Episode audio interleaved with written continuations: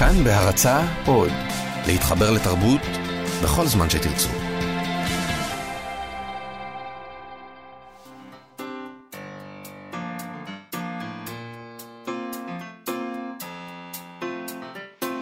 מה שכרוך עם יובל אביבי ומה יעשה לה. צהריים טובים, שנה טובה, אנחנו מה שכרוך, מגזין הספרות היומי של כאן תרבות. כבכל יום, אנחנו כאן בשעה 12 בצהריים, ב-104.9 ו-105.3 FM, באתר האינטרנט או באפליקציה של כאן, וגם בעמוד הפודקאסטים אפשר למצוא את כל התוכניות שלנו ואת שאר התוכניות של uh, כאן תרבות. איתנו באולפן עפרה הלחמי, שירי לב-ארי ונדב זילברשטיין, וגם יובל אביבי. שלום לך, יובל. אז אחרי החג, מה היה? אה, היה חג נהדר. אה, מה עשית?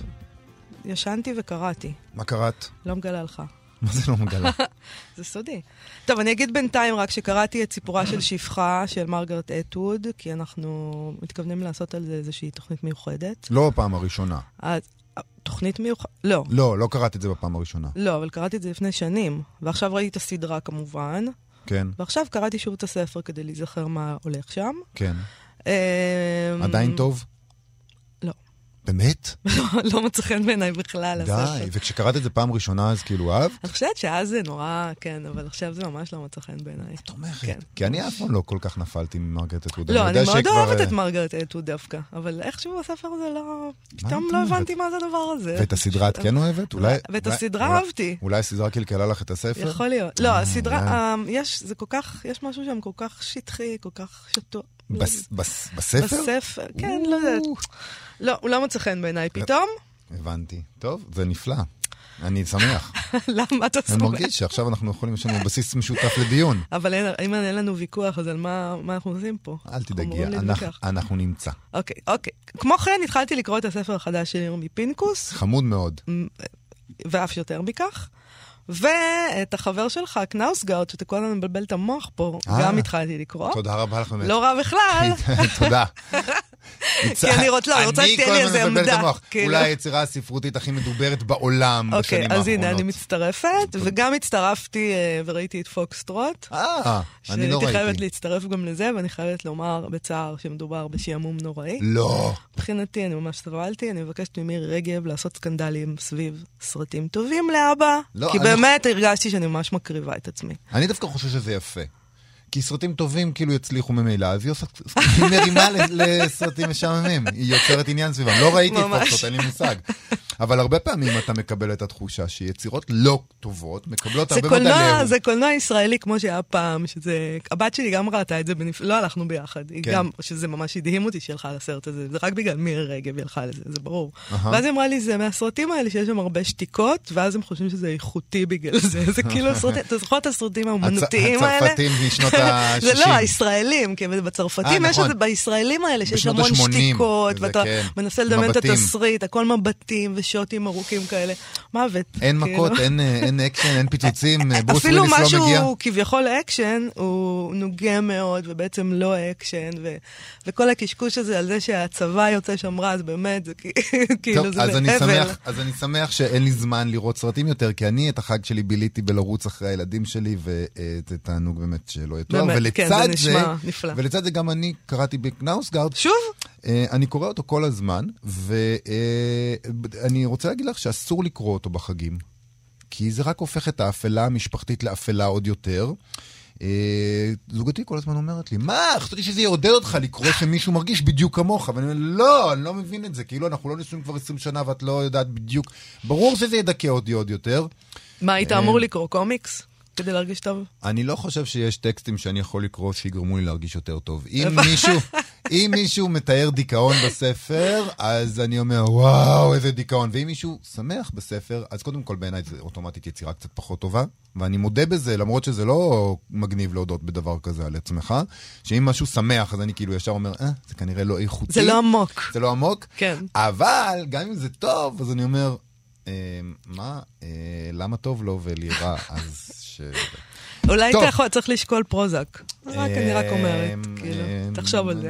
כן, נדבר על- זה אחרי השידור. אוקיי. אה, נזכיר, אפשר לשלוח לנו מסרונים בטלפון 055-966-3992, 055-966-3992. על מה באמת נדבר? עכשיו שסגרנו את העניין הזה של הפרוזק, מה נדבר היום? אנחנו נדבר היום על כמה דברים שעלו בעצם מתוך עיתוני החג, היו כמה פרויקטים מאוד מעניינים. היה שופע השנה. נכון, נדבר על אה, איך זה לגנוז סיפור, או ספר, אם, נדבר על זה עם ניר ברם, שהשתתף בפרויקט היצירות הגנוזות של שבעה לילות. נדבר, אם נספיק, על הריאיון עם דן מירון, אה, ריאיון שערכה עיתונת האלפרין בישראל היום. אה, ונדבר, אה, נתחיל ב... אני חושבת, נתחיל בפרויקט של... ברעיון כלכ- הפרויקט של כלכליסט. כלכליסט, כן, נראה לי. בהחלט.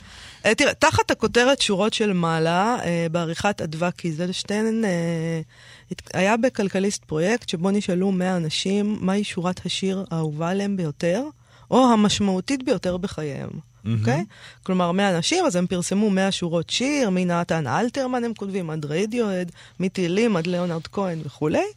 וקיזלשטיין כותבת, כשביקשנו מהמשיבים שיסבירו למה דווקא המשפטים האלה מפעימים אותם כל כך, שמענו הסברים נפשיים ופוליטיים, אישיים וחברתיים. אין כאן ניסיון יומרני לבנות קאנון, ואין מדגם מייצג של בוחרים. יש אנשים מעניינים, דעתנים, שסיפקו לנו לא מעט הפתעות אה, בבחירות שלהם, והרבה שורות שלא הכרנו. מנגד, יש שורות וכותבים שציפינו לראות בפנים ולא הגיעו. אוקיי, אז אה, בסדר, היא מסבירה כאן. אה, היא טוענת שכשעוברים בין השורות שבגיליון, שורה אחרי שורה, התחושה היא שהן מחזירות את האמונה בבני האדם. בזכות היכולת של משוררים לכתוב משפט מדויק כל כך, עד שהוא מתנחל בלבבות של זרים ומאיר אותם. ברגעים טובים או ברגעים קשים, כותבת אדווה קיזלשטיין, זו אמנות בגדולתה ואנושיות בשיאה, עגלה מלאה. מבינה כאילו הצורך הזה להגיד, היי, אני הייתי מוותרת על העגלה המלאה. כן. כאילו, אל אנחנו, תתנצלו. לא, אל תתנצלו, אנחנו לא מתנצלים. לא, תפסיקו להתנצל, יש לכם אה, אה, רדיואט ואלתרמן, זה בסדר, זה אחלה, אתם לא, לא פחות משום דבר אחר. אה, מצד שני, יש פה ערבוביה שלי קצת קשה לעיכול, אה, פזמונאות עם שירה שלונסקי ועמיחי לצד אה, זאב נחמה וג'ון פרושיאנטה, שאני, את האחרון אני מאוד אוהב, גם את המילים וגם את המוזיקה, אבל בכל זאת אני לא בטוח שהוא לצד אה, גדולי המשוררים ever.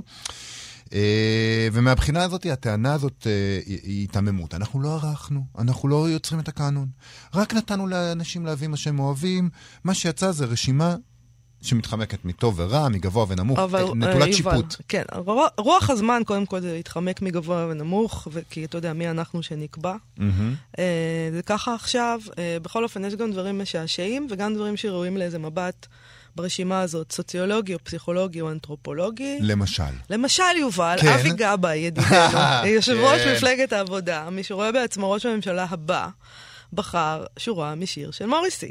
אני לא יאמן. אה, מה מה השורה? Last night I dreamt that uh, somebody Somebody loved loved me, me, אוקיי? גבא הסביר שזאת שורה מרגשת, הדבר הכל כך בסיסי שכל אדם חולם עליו בשלב כלשהו בחיים. עכשיו, קודם כל אני חייבת להגיד שאני אני מאוד שמרנית בדברים האלה, ואני לא מבינה למה בכלכליסט לא התעקשו על שורות שיר בעברית בלבד. אוי, הטהרנות שלך לא יאמן. אני, אני שמרנית, אוקיי? מה מוריסי? כאילו, יש... אה, מה, מה העניין פה אם זה לא בעברית? Uh, דבר שני, העניין עצמו שמוריסי נבחר. כאילו, אני לא מבינה מי היועצים של אבי גבאי. ככה מדברים אל העם, אהבה, זה מה שמוכר. כאילו, מה אם זה שיר חברתי?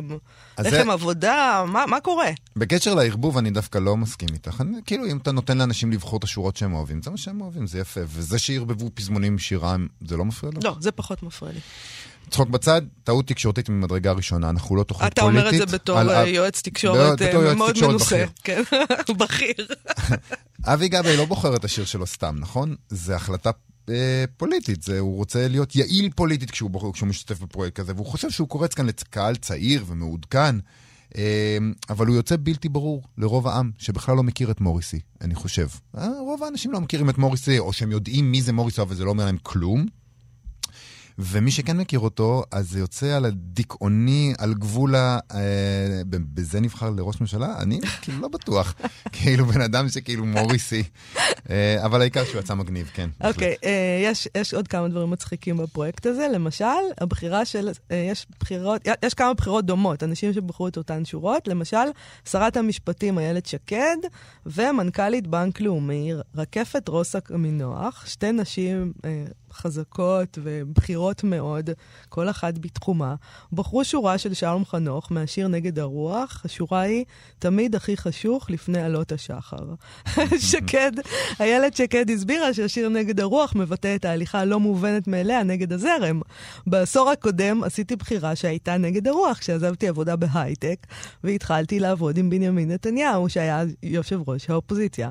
משהו בי דחף חזק לכיוון של פוליטיקה, אף שהיו לי ג'וב נהדר ומשכורת מעולה. אחרי כמה שנים שוב התנגדתי לרוח, כשהצטרפתי למפלגה דתית-לאומית, וכולם חשבו שיצאתי מדעתי. כשאני מרגישה שיש בכוחי לשנות, אני מקבלת החלטות גם נגד כל הקולות שבחוץ. אה, ופעם אחר פעם אני סבורה זה מצליח, כי כשמשהו נטוע כל כך עמוק בפנים, אי אפשר להתנגד בו. אוקיי? ומתוך השיר, היא אומרת איילת שקד, בחרתי במשפט תמיד הכי חשוך לפני עלות השחר, כדי להזכיר לעצמי, ולכולנו, שכשהמצב קשה, ההתרוממות והעלייה קרובות. לעומתה, רקפת רוסה קמינוח, מנכ"לית בנק לאומי, אמרה ששלום חנוך הוא אחד מהזמרים האהובים עליה, שיריו מלווים אותי מצעירותי, זהו פזמון שמילותיו משקפות את האני מאמין שלי. להמשיך למרות הקשיים שיש בדרך, ותמיד יש, לאפשר לדברים לקרות בידיעה שאין לנו שליטה עליהם, ולשמור על אופטימיות גם, ובמיוחד ברגעים היותר מורכבים, יובל. זה באמת נהדר ששתיהם בחרו את אותה שורה, ועוד את השורה הזאת, שבואי נשים את זה על השולחן. זה... אני חושבת ששלום חנוך, אה, אם הוא היה מת, הוא היה מתהפך בקברו. כיוון שהוא חי, אז אפשר אפילו לשאול אותו. מה? אה, כיוון שהיצירה, כשהיא, כשהיא יוצאת מתחת ידך, היא הופכת להיות של, ה, של העם. היא לא שלך יותר. אפשר רק להגיד שזה אחת מהשורות הכי משומשות ב, ב, בתרבות הישראלית בכלל, ever. ו... כל אדם עם קצת מודעות כשהוא משתתף בפרויקט כזה, לא היה אה, בוחר בזה, כי הוא אומר לעצמו, אני לא אצא עד כדי כך בנאלי. לא, זה ממש לא נכון, כי יש כאן שתי נשים שהעניין שלהן זה שהן צריכות להיות ממלכתיות. הם יבחרו בדיוק את השורה הזאת. מה אתה חושב שהם יבחרו שורה מקורית של מוריסי. ברכט? כאילו, הם, הם בחרו את הדבר הבנאלי, אבל זה מצחיק שהם זה בחרו... זה מעיד על זה. הם, כאילו, זה, יש פה תודעה כוזבת, בוא נודה, כאילו, כן, בבחירה כן, שלהם. ללא ספק. אוקיי, יש לנו כמובן את האחד והיחיד, אה, אהוד ברק. שבחר את ברית עולם של אה, אהוד מנור, את השורה היום, יום וליל, כל הזמן בנתיב אחד לא מסומן, שזה גם נורא מצחיק. ברק אמר שזה אולי שיר האהבה העדין והנוגע ללב ביותר בעברית.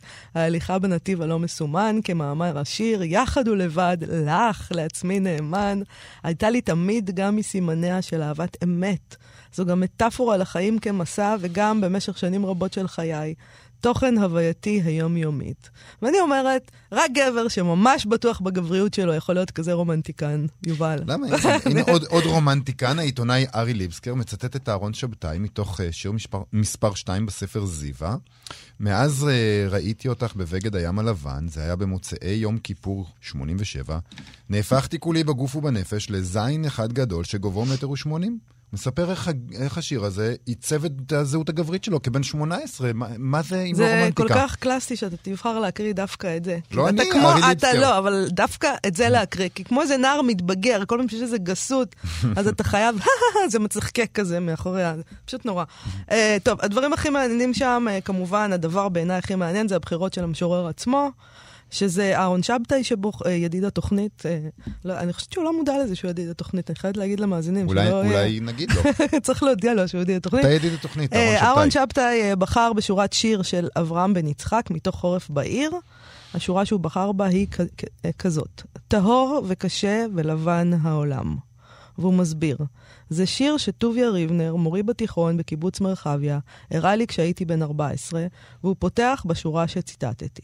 מאז ועד היום, בשבילי זו הדוגמה לשורה נפלאה של שירה. יש בה דיוק, צמצום ביחס למה שממשי, קשיחות ששייכת לאובייקט והדהוד מושגי. זו פתיחה שמתייחסת למה שקרוב, אבל מטווח רחב של פתיחות אל המרחב והעולם. אפשר לבסס על השורה הזאת פואטיקה שלמה של שירה. טהור וקשה ולבן העולם. פשוט יפה. מאוד יפה. כן. אותי הכי הצחיק אבל המאייר אסף חנוכה, שבחר את השורה אה, של לבת ארבנאי, כשאני יוצא מזה אני קונה מתנות לכולם. שזאת באמת שורה גאונית. אני, אני גם מרוצה מבחירות, אה, עדיין מרוצה מהבחירות של העיתונאים, כמו ציפה קמפינסקי, שבחרה... קמפינסקי. קמפינסקי, סליחה, שבחרה בוויסלבה שימבוסקה. מי הוא התינוקון הזה שבמותניה? זהו הדולפיק הקטן, בנה של משפחת היטלר. אבל אני, אה, זה אה, מתוך תצלומו הראשון של היטלר, שתרגם מפולנית רפי וייכרט, אבל, אבל אני אוהב את זה כי זו בחירה וולגרית קצת, נכון? פרובוקטיבית, כמו שגם השיר עצמו. זה נותן מכה קלה לפרויקטים כאלה. שהם תמיד כאלה מהוגנים עם עניבה, ומישהו. אתה פשוט. כמו ילד בן חמש כן, כזה, שמצחקק אה, לשם קצת איזה גסות, כאילו, נכון. בסדר. יופי, אז טוב שתגיע בעצמך. מאוד. אה, אגב, מה השורה האהובה עליך? כי. אני חייבת להגיד שאני לא חושבת שהייתי יכולה לבחור. לי אף פעם אין תשובות לשאלות uh, כאלה. מה הסופר האהוב עלייך? מה החופשה המועדפת עלייך? איזה צבע את הכי אוהבת? איזה זמר? מה זיכ... זיכרון הילדות הראשון שלך? ומה הישראלי בעינייך? אני, אני כאילו מאוד לא החלטית בדברים האלה, ואין לי תשובות אף פעם. אצלי הבעיה היא אחרת. Uh, אני חושב שכשאתה עונה על דברים כאלה, אתה נידון uh, לא לכתוב את מה שאתה באמת מרגיש. אלא מה מעיד עליך הכי טוב, כמו שאמרתי על uh, גבאי. Uh, וגם אני, נגיד, בתוכנית, אני בוחר כל הזמן לספר איך אני אוהב את ברנר ואיך אני אוהב את קנאוסגארד, כי זה, כי זה סופרים רציניים, וכאילו זה מעיד עליי שאני בחור רציני ומאוד מעמיק, אבל אני לא מדווח באותה התלהבות על uh, כמות הפעמים שקראתי את הפסטו של השכן ירוק יותר, שזה אוסף מאמרים של uh, אמנון דרטנר. כמה פעמים קראת את זה? יותר מכפי שאני מוכן להודות. אני בשוק. כן, אני ממש אוהב את זה. הבחירה ביצירה האהובה עליך היא מין אה, אה, כרטיס ביקור כזה, ולכן אני הייתי מתקשה בפרויקט הזה, ואני מתקשה להאמין להרבה בחירות אה, שנעשו שם, ואולי בגלל זה אני אוהב את הארי ליבסקר, את הבחירה שלו, כי אני מאמין לו. טוב, אתה מאמין לו ואתה מתלהב מהגסות. כן. כמו שאמרנו, בכל מקרה, אני חושבת שזה פרויקט, באופן עקרוני, פרויקט חג מקסים של מצוין, כלכליסט. מצוין, מצוין. נמשיך קצת מהפרויקט של כלכליסט לנושא הבא שלנו, שהוא עוד פרויקט, גיליון החג של אה, שבעה לילות של ידיעות אחרונות, אה, אמ, אסף שמונה התחלות גנוזות של ספרים או סיפורים של סופרים, ובהם אורלי קסטל בלום, אה, דורית רביניאן, אמיר גוטפרוינד, עמוס קינן, יורם קניוק, סייד קשוע, סמי ברדוגו וניר ברעם. ניר ברעם גנז ספר בשם הממלכה, שמתחיל כך: ביום האחרון של שנת הלימודים, קוברסקי ואני החלטנו לפרק את הממלכה שלנו. בנינו אותה בשנתיים האחרונות, החל מכיתה י'. את כל עריה ומפעליה, פקידיה ושריה ומנגנוני שלטונה, ובעיקר המאורעות הגדולים שפקדו אותה. לא היה שם לממלכה הזאת, וגם לא היה זמן שבו התקיימה. אפשר להניח שהיא ממלכת עבר, אולי מהמאה ה-17, אף שלפעמים הפלגנו גם אל העתיד, והמצאנו פצצת לייזר שמחדירה לתודעתך פחדים של אחרים, שזה כבר מזכיר קצת דברים אחרים שניר ברם כתב. הוא נימק את הגניזה בכך שככה, ציטוט: תמיד רציתי לכתוב מעין ממואר על ימי התיכון בירושלים בשנות ה-90. בסביבות 2014 ניגשתי למשימה, אבל ככל שהתקדמתי בכתיבה, הבנתי שהמסגרת הזאת של ממואר כובלת אותי. שאם אני לא יכול להמציא, אם אין לי אפשרות להשתמש בדמיון, משהו בי כבה. הבנתי שאני צריך למצוא מקום בין הזיכרון ובין הבידיון. חלק מהקטעים הגנוזים זכו לעיבוד מחדש, חלק נשארו בתיקיות במחשב ליד קיצור תולדות המוות, טקסט שבו ניסיתי להפוך את הרעיון ההוא שלי ושל קוברסקי על החיים אחרי המוות למעין נובלה. גם זה לא עבד. אה, שלום, ניר ברם. היי, שלום, מה שלומכם? שלום. תגיד, ניר, למה ההחלטה הזאת לגנוז, זו החלטה כואבת? איך זה, איך זה מתקבל? אה, קודם כל, ברור שהיא כואבת, וגם אני רק אתקן תיקון קטן, שזה לא היה ספר, זה היה בוא נגיד שישה שבעה פרקים, אה, אבל אה, היא כואבת, וזה גם תלוי מאוד בתוצאות של המהלך. זאת אומרת, לפעמים משהו שאתה גונז, כמו שקרה לי במקרה הזה, מכין משהו אחר. כן. זאת אומרת, זה מה שהייתי צריך להיפטר ממנו, או לכתוב אותו בצורה מסוימת, כדי להבין שבעצם המקום שאתה רוצה לכתוב הוא מקום אחר. לפעמים, כמו שקרה לי עם הנובלה הזו, שיובל הקריא את הקטע שכתבתי עליה, זה כן כואב כי כתבת משהו שהוא שלם, אה, סיימת אותו בתחושה שהוא כן טוב, אבל הבנת בשלב מסוים שהוא לא מספיק טוב. אה, וזה קרה לי ב-2002 עם הנובלה הזו. ואז כזה, יש איזה עניין כזה של הזמן שבוזבז גם? כן. בן אדם יש, יושב, יש, כותב יש, שנים, חודשים, לא יודעת כמה זמן, ואז פתאום כל הזמן הזה בעצם בוזבז. קודם כל יש עניין כזה, כי כולם מתייחסים לסופרים כאנשים שאמורים לקבל החלטות טהורות שקשורות רק לכתיבה, כן. בזמן שכל האנשים שאופפים וסובבים את השדה הספרותי מרוויחים כסף על מה שהם עושים, אבל הם מצפים שהסופרים לעולם לא יתייחסו לעניינים כלכליים, אבל אנחנו יודעים שסופרים גדולים כמו בלזק ודוסטויבסקי וגם טולסטוי כתבו הרבה פעמים רק בשביל כסף. כן. כי הציעו להם איזה עיתון לכתוב אז הם כתבו. אבל, אז זה כן כואב, אבל זה, זה גם כואב ברמה האישית של הזמן שבוזבז אולי, וזה גם כן כואב כי בזמן שאתה כותב את הדבר הזה, ואתה נמצא בתוכו, ואתה בורא את העולם הזה, ואתה נכנס אליו כל בוקר, ומניח עוד אבן ועוד אבן, אתה לא עושה את זה מתוך תחושה שזה לא מספיק טוב. אתה... ואז יש גם איזה מקום שבו אתה מפקפק ביכולת שלך לראות דברים, שזה מין תחושה שיכולה להצטרך אחריך גם, לש... גם בשנים הבאות. אבל איך מחליטים? איך מחליטים? איך אתה אומר, אוקיי, זה טקסט שלא יעזור כלום, אין מה לעבוד עליו יותר? איך עושים את ההחלטה הזאת בכלל? איך, תראה, איך המקרה, יודעים? המקרה, המקרה של הממואר הוא מקרה, הוא מקרה קלאסי מבחינתי. כי זה קודם כל, כשאתה מתחיל לכתוב ואתה באמת בורא את העולם הזה, השאלה זה כמה זה מפעיל אותך. כמה אתה עסוק בזה, כמה אתה חושב על זה, כמה מפעיל את הדמיון שלך. אם הוא לא מעסיק אותך אה, חלק ניכר מהיום, גם כשאתה לא כותב, כי הרי הכתיבה נעשית גם בזמן שאתה כותב וגם בזמן שאתה מהרהר בספר, ואתה לא מרגיש את זה בוער בתוכך ומביא הרבה מחשבות חדשות, אתה מרגיש שזה לא הדבר הנכון. דבר שני, לפעמים אתה יכול לקרוא את זה במרחק מסוים, כמו שקרה לי עם הטקסט של הממואר. פתאום הבנתי דבר אה, שהדהים אותי, שהחוויות שלי בתיכון לא היו כאלה מעניינות. זאת אומרת, שנים התחושה שלי הייתה שזה מאוד מעניין, שזה מסקרן, שזה, שזה קרה רק לי. ואז שפתאום הסתכלתי על זה ממרחק וקראתי את זה, אני לא מדבר כרגע על סגנון הכתיבה וכולי, זה פתאום לא היה מספיק מעניין. אבל אם לא הייתי עושה את זה ונכשל בזה, ובעצם עובר את התהליך הזה, לא הייתי מגיע למה שאני כותב עכשיו, ואגב כמעט מסיים, שקשור בצורה מסוימת לפרויקט הזה. זאת אומרת, הוא נבע מה, מהכישלון הזה. איך זה אבל לראות את זה בדפוס? הרי, הרי בסופו של דבר פנו אליך והחלטת, יאללה, נפרסם את זה. הרי לא היית מפרסם שום דבר שבאמת היית מתבייש בו בושה עמוקה. אה, קודם כל, את הקטע הזה אני כן אוהב, וגם חלקו, חלק, זאת אומרת, בתוך, ה, בתוך הפרקים שגנזתי, היו גם פרקים לא רעים בכלל, לא, לא, לאו דווקא זה. זאת אומרת, היו פרקים שכפרק מסוים בתוך טקסט הייתי יכול לאהוב אותו, או לא הייתי מתבייש בו, אבל באופן כללי, כל הדבר שנכתב לא היה מספיק מעניין, אז, אה, אז בחרתי משהו שאני כן, אתה גם צודק, לא הייתי בוחר משהו שהוא ממש טיפשי, ושכל מי שהיה קורא את זה היה אומר, טוב, מי זה האידיוט הזה, למה הוא כתב את זה? אז uh, בחרתי משהו שאני כן מתחבר... יש כאלה טקסטים בהארד דיסק גם? כן, יש. אני חושב שיש. הרגעים האלה שבהם בעצם כתב את התיכון, אתה יודע, אני אוהב כתיבה שיש בה פרספקטיבה ומרחק מסוים מהגיבור. אני לא אוהב ספרים ש... ואני גם לא כותב ככה ספרים שהגיבור והמספר והסופר הם כאילו ישות אחת ואין שום פרספקטיבה, ואתה אמור לבכות עם הגיבור ולהתרגש איתו, ואני אוהב את המרחק הזה, לא היה לי מרחק כזה. לא היה לי פרספקטיבה כשכתבתי את הממואר הזה, ולכן היו קטעים שפתאום כתבתי אותם ב... מתוך, אה, אתה יודע, בפצע, לפעמים אפילו בלב שותה דם. כשאתה מסתכל על זה מהצד, אתה אומר, רגע, מה קרה? אז המורה הזמין את ההורים שלך לבית ספר, מה אתה עושה עניין? וזה הרגעים שבהם זה פתאום יצא קצת מגוחך. אה, אבל אני גם חייב להגיד ש, שלגבי הממורה הגנוז הזה, גם נתתי לקרוא את זה לשני אנשים שלא הייתי, כשהייתי קצת בספק לגבי זה, אם בכלל יש מה להמשיך, וגם החוות דעת שאין לפעמים עוזרות של אנשים שסומך עליהם. ניר, אני רוצה לסיום לשאול אותך, יש, אה, פורסמו שם גם קטעים של אנשים שאינם עוד עימנו, כמו עמוס קינן וקניוק וזה. ואפרופו הדברים הזוועתיים שיש לך על ההארד דיסק, מה עמדתך לגבי זה שיום אחד, כשתגיע ל-120 ותלך לעולמך, אה, הבן שלך יפרסם את הזוועות האלה? כאילו. אה, אני מאוד מקווה שהוא יהיה מספיק אה, עשיר בשבילו לעשות את זה. אוקיי. שיסתדר בחיים. עוד אפשרות זה, וגם אני עשיתי את זה לפעמים, יש דברים שאני מחקתי לגמרי, אוקיי. והוא לא ימצא את זה גם אם הוא יוצא. אבל קשה לי לדבר על החיים אחרי המועד שלי. אה, אבל איך, לא, אבל באופן עקרוני. עקרוני, לפרסם יצירה של אה, לא גמורה שנגנזה של אה, מישהו שמת, יש בזה משהו בעייתי. אתית. לא יודע, זה תלוי בקרובים אליו ובאיך שהוא חווה את עצמו ומה שהוא רוצה שיעשו עם הטקסטים שלו.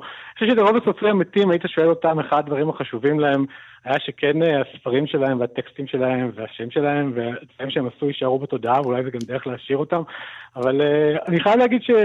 שבניגוד, זאת אומרת, אני לא מוטרד מאוד מהדברים שיקרו עם הטקסטים האלה אחרי המוות שלי או בכלל.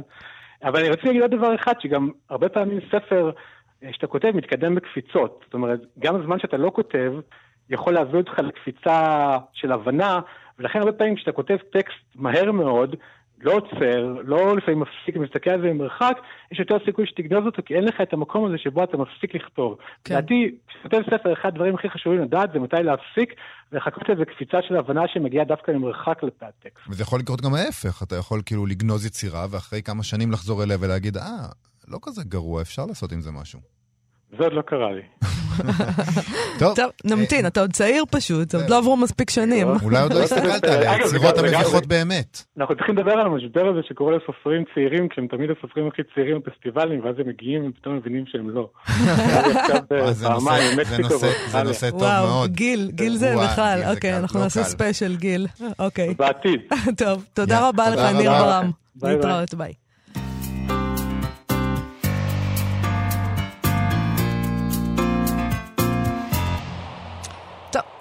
נעבור לנושא הבא. יש לי היום פינת גנזים מיוחדת במינה. אה, אה, מכתב שקיבלתי מצבי האוזר, מתוך האוסף הפרטי שלו, הוא שלח לי. Mm, אה, האוזר הוא אה, אספן של אה, פרטי ישראליאנה. הוא היה מזכיר הממשלה פעם. המכתב הזה נשלח להסתדרות הפקידים מחברת מסחר ותעשייה, חברה להוצאה לאור ולתערוכות. הם מבקשים מהם לשלוח להם את הספר שיטות הר... הרגיסטטורה המשרדית, תל אביב, תרצ"ז של חנה אבן טוב, כדי לבחון את הצגתו ביריד העולמי בניו יורק. אוקיי, אני מדברת איתך עכשיו על מכתב שנכתב ב-18 לדצמבר 1938. שים לב. מה לכבוד כתוב? הסתדרות הפקידים, תא דואר, תל אביב. בתערוכה העולמית שתיפתח בניו יורק באפריל 1939, יוקם, כידוע לכם, ביתן ארץ ישראלי, ובו יהיה אולם המוקדש לתרבות ארצנו. באולם זה תסודר בקנה מידה רחב תערוכה מיוחדת של הספר העברי, שמטרתה להציג את הישגי הספרות, המדע, הספר והעיתונות העבריים בארצנו. לאחר דיון מקיף על אופי התערוכה, הוחלט לייצג בתערוכת הספר רק את מבחר ספרותנו, ולשם קביעת הספרים שיש להציגם, בחרנו בוועדה, בוועדה ספרותית מיוחדת, אשר קבעה לייצוג הספר ספרים מתאימים מבחינת הן ערכן, ערכם הפנימי והן טיב הדפסתם. אנו בטוחים כי תעריכו את חשיבותה של התערוכה העולמית הזאת, לא רק בגלל ערכה הלאומי בשבילנו, אלא גם הוצאת הספרים שלכם, שכמה מספריה יש ברצוננו, בהתאם להחלטת הוועדה הספרותית, להציגם בניו יורק בתור הישג תרבותי ומו"לי. יורשה לנו אפוא להביע ביטחוננו, כי תענו לבקשתנו להמציא לנו במשך שלושה ימים את ספרי הוצאתכם, אשר רשימתם מצורפת בזה. לצערי, אין לי את הרשימה. ואז הם מעירים הערות. בהזדמנות זאת, ברצוננו להעיר, אחד, תראה איך הם מבקשים את זה. כל ספר נבקש להמציא לנו בשני טפסים, אחד מקורח ואחד מעוטף. אני לא יודעת מה ההבדל בין מקורח למעוטף, אתה מבין? אני לא. טוב. חשוב לנו מאוד, כי כל ספר... לא. כל ספר יהיה מיוצג בכריכה טובה, ההולמת בצורתה ובטיב העבודה את תוכנו. אם כריכתכם אתם תיראה מתאימה בעינינו, נקבל את הטופס המקורח ונחזיר לכם את העטוב ברם, אם יהיה צורך בקירוחו בכריכה אחרת, וזאת נעשה על חשבוננו, נחזיר לכם בלי דיחוי את הטופס המקורח. אולי הם מתכוונים שיביאו להם רק את הדפים, והם יעשו את ה... כאילו פשוט... כן, אם, אם הכריכה בלי- לא אם- נראית להם, אז הם יכרכו בעצמם, הם יכינו כריכה חדשה. אז יש עותק שהוא לא כרוך, אלא אה, רק רק עטוף, ואותו דפ- הם אה, יכרכו. הבנתי, הבנתי, אוקיי. לפני משלוח כל... שתיים, לפני משלוח כל ספר אלינו, נבקשכם לבדוק יפה יפה את כל גיליונות שני הטפסים המקורח והמעוטף, ולהיווכח לדעת אם הם נקיים מכל פגם לכלוך, קיפול רע וכדומה, כדי שנוכל להציג רק טפסים מובחרים מבחינת המכניקה של ההדפסה והכריכה. שלוש, רצוי מאוד שהטפסים אשר תמציאום לידינו יהיו מהמהדורה הראשונה. ארבע, אם לספר פלוני מצורפות תמונות, נא להשגיח על כך שהתמונות תהיינה נקיות כל כמה שאפשר. חמש, את הספרים שתמציאו לנו נבקש להמציא בחבילה שאינה קשורה במשיכה, כיוון שזה עלול לפגוע בכריכה או בגיליונות. מדהים. אה, אנו מודים לכבודו למפרע בעד מילוי בקשתנו ומקווים כי תמלאוה במשך שלושה ימים, בשלושת הימים הקרובים, היות ואת הספרים וכמה מהם כאמור צריך יהיה לכרוך, מן ההכרח להמציא לניו יורק בהקדם האפשרי ביותר, בכבוד רב, ככה וככה, אני לא יודעת מי חתום אז- שם. אז, אז, אז, אז כל החשיבות הזאת של הכריכה ואיך שזה נראה וכולי וכולי, ומתחת לכל הדבר הזה נמצא שיטות הרגיסטטורה המשרדית. תראה, אולי הם רצו לפרגן להסתדרות הפקידים, אה, אולי לא היה כל כך מבחר, אנחנו מדברים על שנת 38 פה, כן? אבל זה שיא ואולי זה. חנופ, חנופה לפוליטיקאים כמו מאז ומעולם, אה, אוקיי. אבל מה שקרה פה, שאני נכנסתי לאובססיה מסוג אחר לגמרי בעקבות המכתב הזה, וחיפשתי קצת פרטים על היריד הזה בניו יורק, שזה מאוד מאוד עניין אותי. ומסתבר שמדובר בתערוכה עולמית, שהתקיימה בניו יורק בשתי עונות, אביב-קיץ, אפריל-אוקטובר של 39 ושל 40. זו הייתה התערוכה הגדולה ביותר עד אז, השתרעה על פני 4,920 דונמים. בשתי העונות שלה ביקרו בה 44 מיליון מבקרים, אוקיי? סיסמת התערוכה הייתה למרבה האבסורד, שחר של יום חדש. אני מזכירה לך, יובל, שהיטלר כבר חזק בעניינים בשלב הזה, כן. אוקיי? שחר של יום חדש. התערוכה התמקדה בחזונות טכנולוגיים, תרבותיים, כלכליים ואדריכליים לעתיד. הייתה זאת התערוכה העולמית האחרונה לפני מלחמת העולם השנייה, כשכמובן התערוכה הבאה אחריה אה, תהיה התערוכה העולמית של בריסל, ותתקיים רק 18 ש- אה, שנים מאוחר יותר, ב-1958. היה תקופה קשה. כי היה, כן, היה טראומה. עכשיו, טקס הפתיחה של היריד הזה אה, נערך ב-30 באפריל, 39, לעיני 206, אה, 206 אלף צופים. את הטקס פתח בדברי ברכה הנשיא רוזוולט. אחריו נאם אלברט איינשטיין, אשר הדליק את אורות היריד בסיום נאומו. פול ויטמן ניצח על נגינת אה, המנון התערוכה, שהיה השיר שחר של יום חדש, שנכתב על ידי איירה וג'ורג' גרשווין. די. אוקיי? אתה, אתה מבין, זה פה, מדובר על אירוע מטורף, מטורף. ענקי. נאומי הפתיחה הועברו לראשונה בשידור טלוויזיה על ידי ה-NBC לכ-200 בעלי מקלטי טלוויזיה בעיר ניו יורק. 200? 200, לא 200 אלף. לא. היישוב היהודי בארץ ישראל הציג אה, ביריד את הביתן שנקרא באנגלית The Jewish Palestine Pavilion. אה, הוא הציג לראשונה בפני קהל רחב את רעיון הבית הלאומי היהודי ואת מפעלי היישוב בארץ ישראל, את ההתיישבות, את העלייה ואת ההגנה.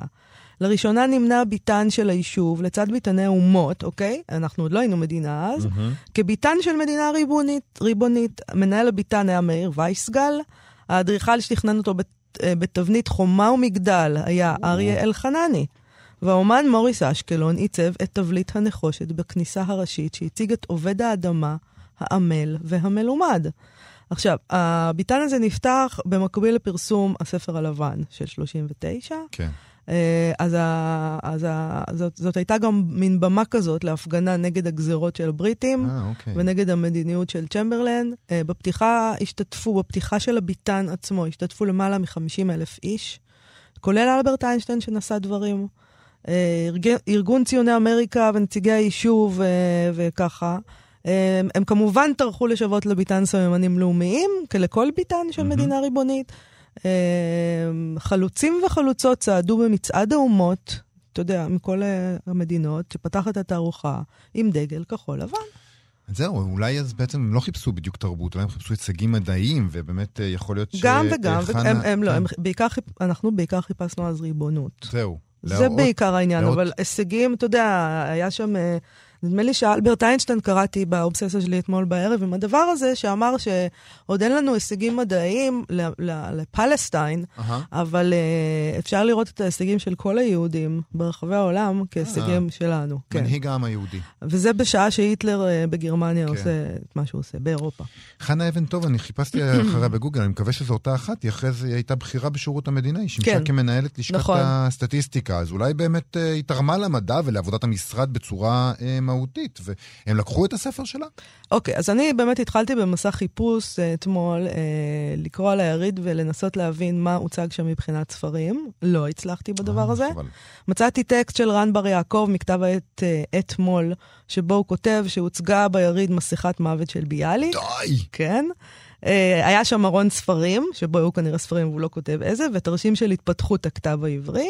אה, מצאתי את העיתון, או, מין עיתון, או מין קטלוג כזה של היריד הארץ-ישראלי שם, באנגלית, אה, תענוג, ממש, אפשר, זה נמצא ברשת, אפשר פשוט, אתה, אתה אפשר לדפדף בו, אתה יכול. לראות את את מסכת המוות באינטרנט? לא. כי אני- זה מה שהכי מעניין. מסכת המוות, אני לא- אני לא יודעת אם אפשר לראות מסכת המוות של ביאליק, אה, אני לא יודעת איפה היא, בטח בספרייה הלאומית. אולי אבל צילום, פה אבל- מדובר, אני מדברת איתך על העיתון שהם אה, הוציאו אוקיי, לכבוד אוקיי, הדבר אוקיי. הזה. אה, אוקיי.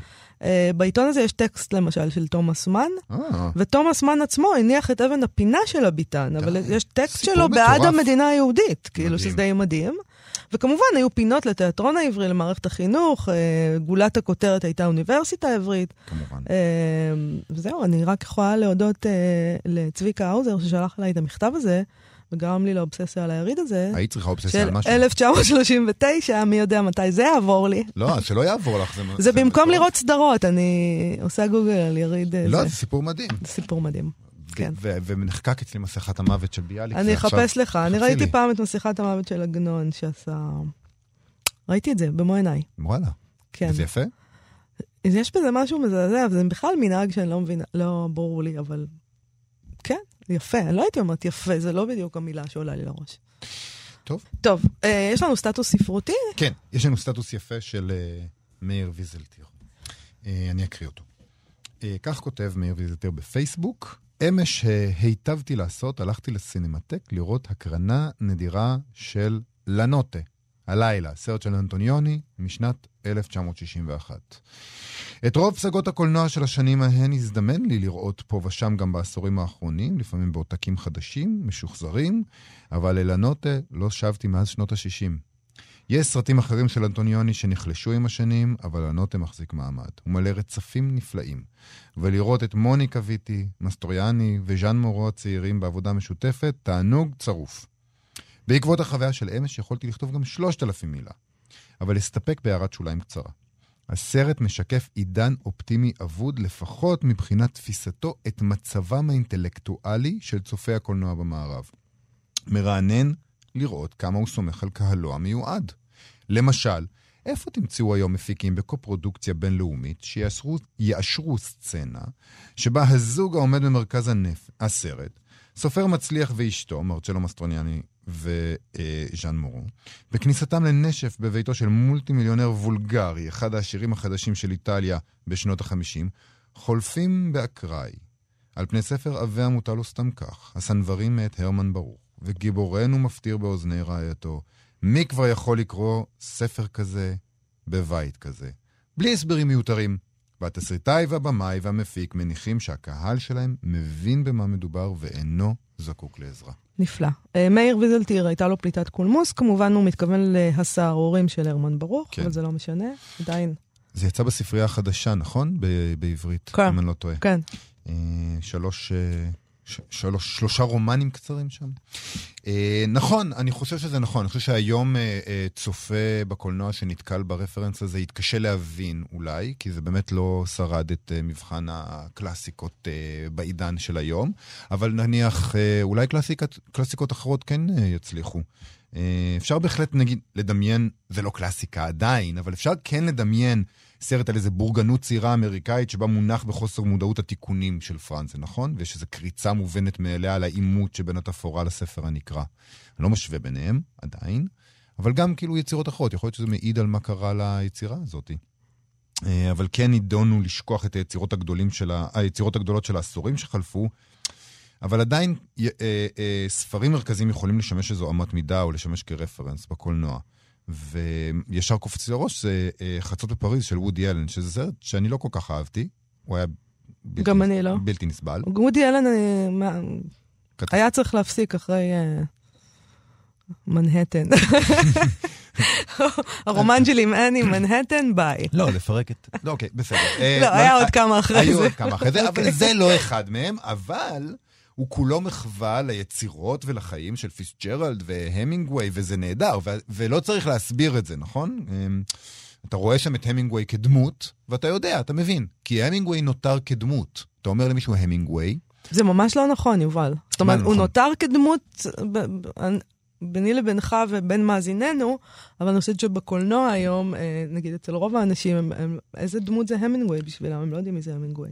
אני חושב שהצופים של... אני חושב שאפשר לפחות להגיד... אלה שרואים את אנטוניוני. אלן- אה, את וודי אלן. וודי אלן סומך על הצופים שלו שהם יבינו אה. שפיצג'רלד הוא, הוא לא המינגווי, ושהמינגווי יש בו משהו גס ונכון לכל קרב, ורוצה אקשן וכולי וכולי. כן. בואי נזכור אולי גם שגם אנטוניוני זה לא איזה משהו שכאילו היה אה, בידור להמונים. גם אז זה היה אה, מיועד לאינטלקטואלים. לא? אני לא בטוחה. אני לא לא בטוחה. בטוחה? לא, לא חושבת. את יודעת מה, במובן מסוים אפשר להגיד אה, שוויזלטיר כמובן צודק, והוא כותב את זה נורא נורא יפה. במובן אחר, אני חושב שהוא קצת טועה. אה, יצירות שמובנות מעליהן לקהל הזה אולי התחלפו, אבל הם לא נעלמו חושבת ש... לגמרי. אני חושבת ש... אני דווקא מסכימה עם מאיר ויזלטיר, אה, בעיקר, אולי בגלל שאני ראיתי אתמול את פוקסטרוט, מהמם. וזו באמת יצירה שלא סומכת על הקהל בכלל, אוקיי? זה באמת, זה כאילו, זה באמת, הדברים כל כך מפורשים שם בצורה כמעט גסה, שאתה אומר, וואו, ממש חושבים שאני מטומטמת, ממש, זה פשוט דבר נורא. אז אולי את אז- בטראומה קצת היום. אז יכול- אני איבדתי אמון בקולנוע, אבל זה אמון. עד מחר, זה יעבור אוקיי, לי. בסדר, נעבור לדבר הבא? כן.